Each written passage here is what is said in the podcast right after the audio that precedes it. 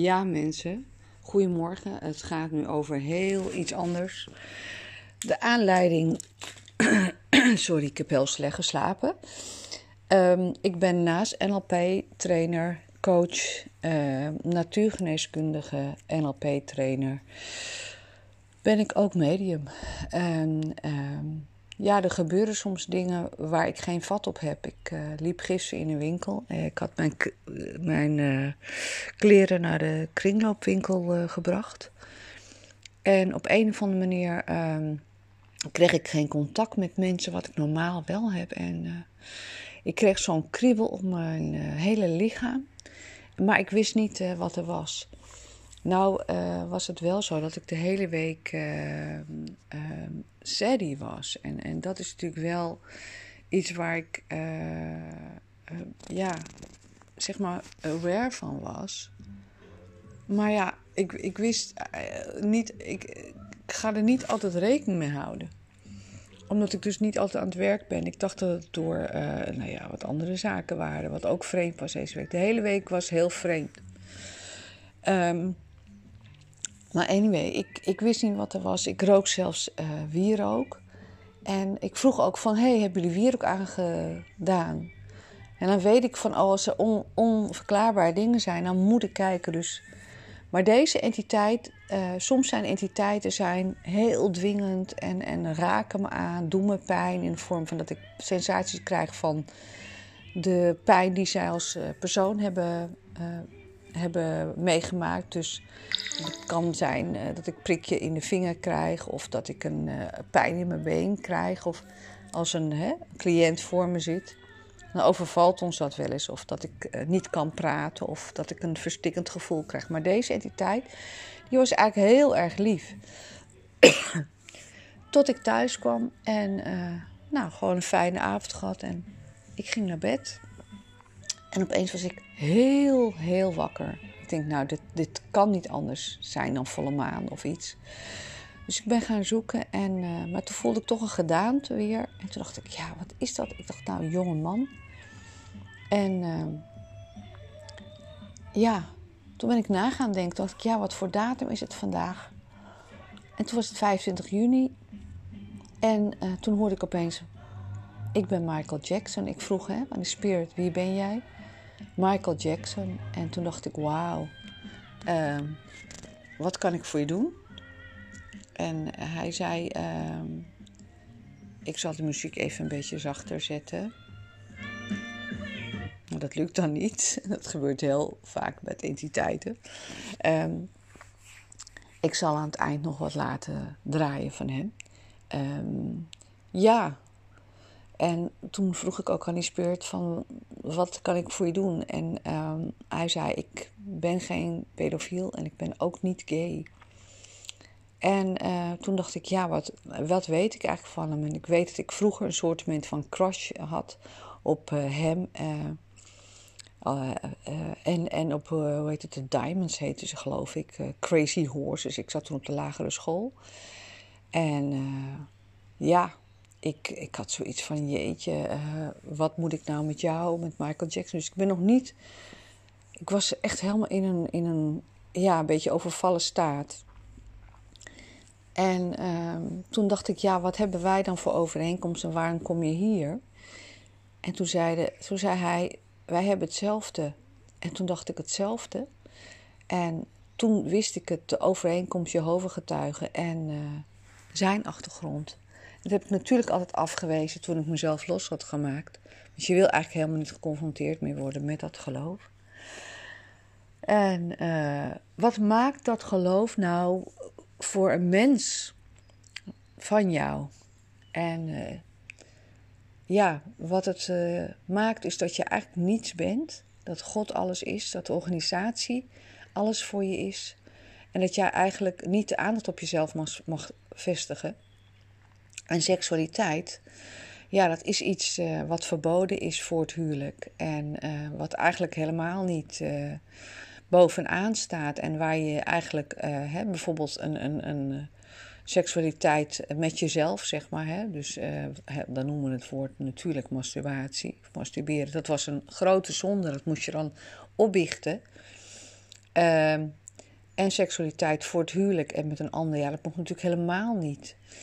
Dus uh, A, heeft hij nooit geleerd om zichzelf bovenaan te zetten. En dat moest hij natuurlijk. Hij heeft zich daarvan losgemaakt.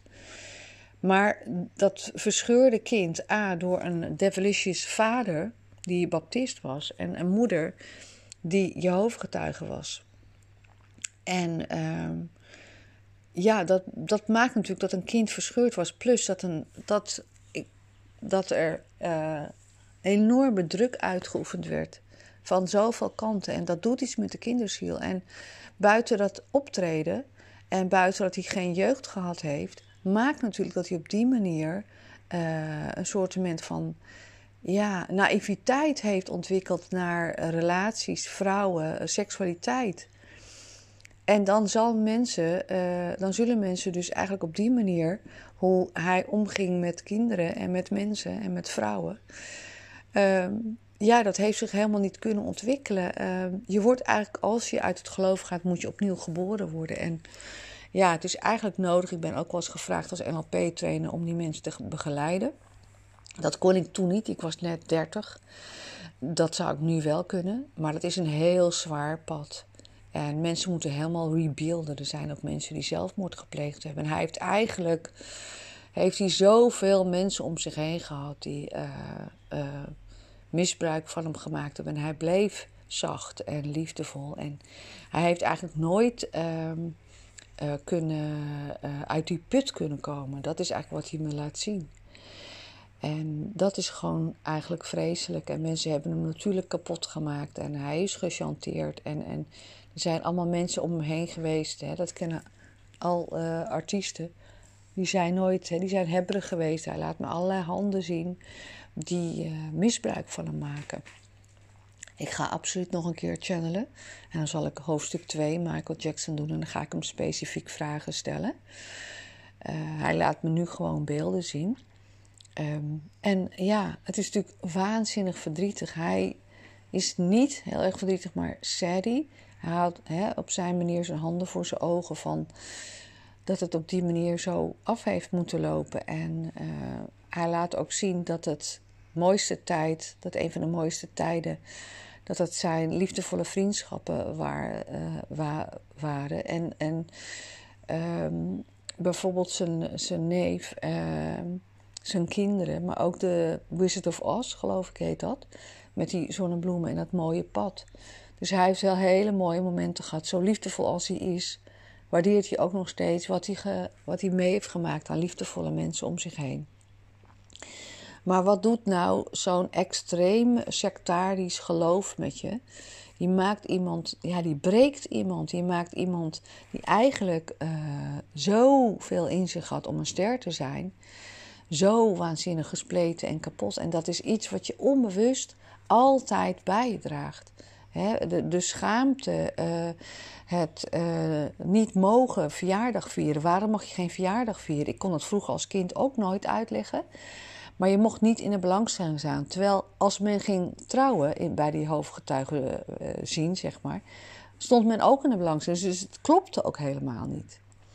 Schuld, hè, dat is altijd een heel machtig wapen van de kerk om mensen uh, iets te laten doen. En uh, dat gaat natuurlijk altijd om macht en om geld en om invloed. En macht en invloed is, zeg ik altijd, hetzelfde.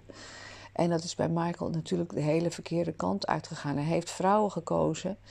Um, daar is ook nog heel veel over te vertellen en heel veel over mee te maken. En, en, en um, ja, heel veel schaamte over zijn uiterlijk natuurlijk. Hè. Nooit um, de waarde geven aan je mooie, fantastische. Want ik vond hem prachtig en dat vind ik niet alleen. Hij had nooit, nooit, nooit wat moeten verbouwen. Maar hij wilde eigenlijk op die manier uh, zichzelf op een andere manier presenteren.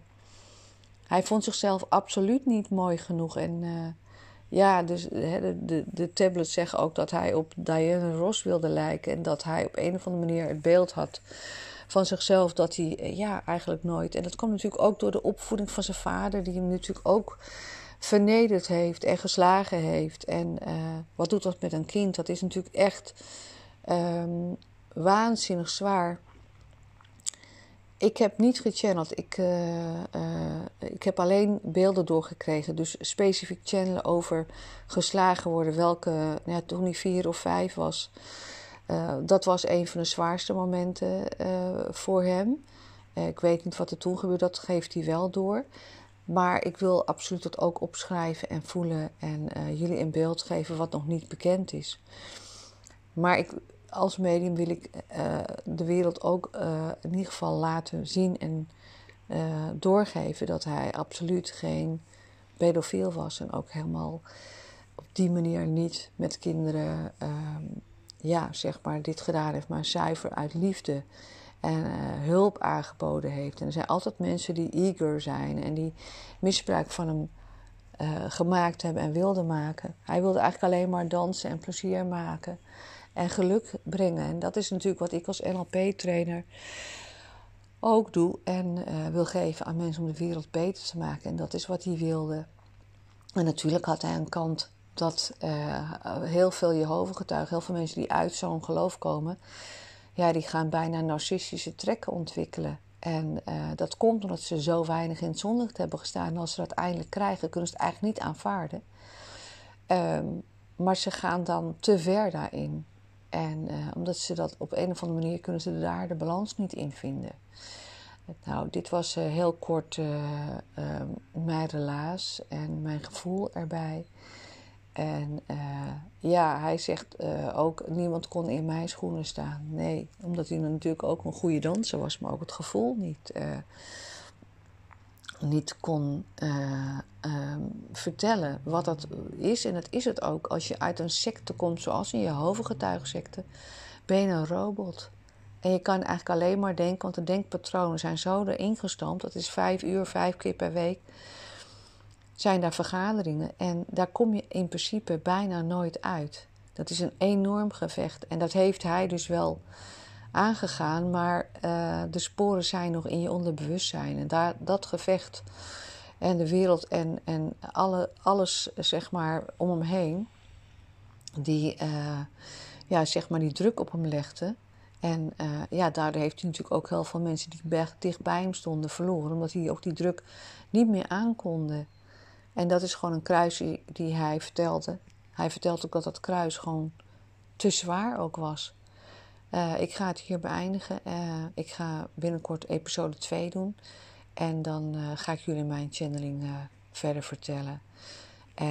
nou, ik zelf wil nog wat nummers laten luisteren van hem. Omdat ik dat een fantastisch nummer vind. Dat is het nummer Ben. En dan denk ik altijd aan mijn eigen huisdieren. Dat was echt het liedje waar ik super, super, super verliefd op werd.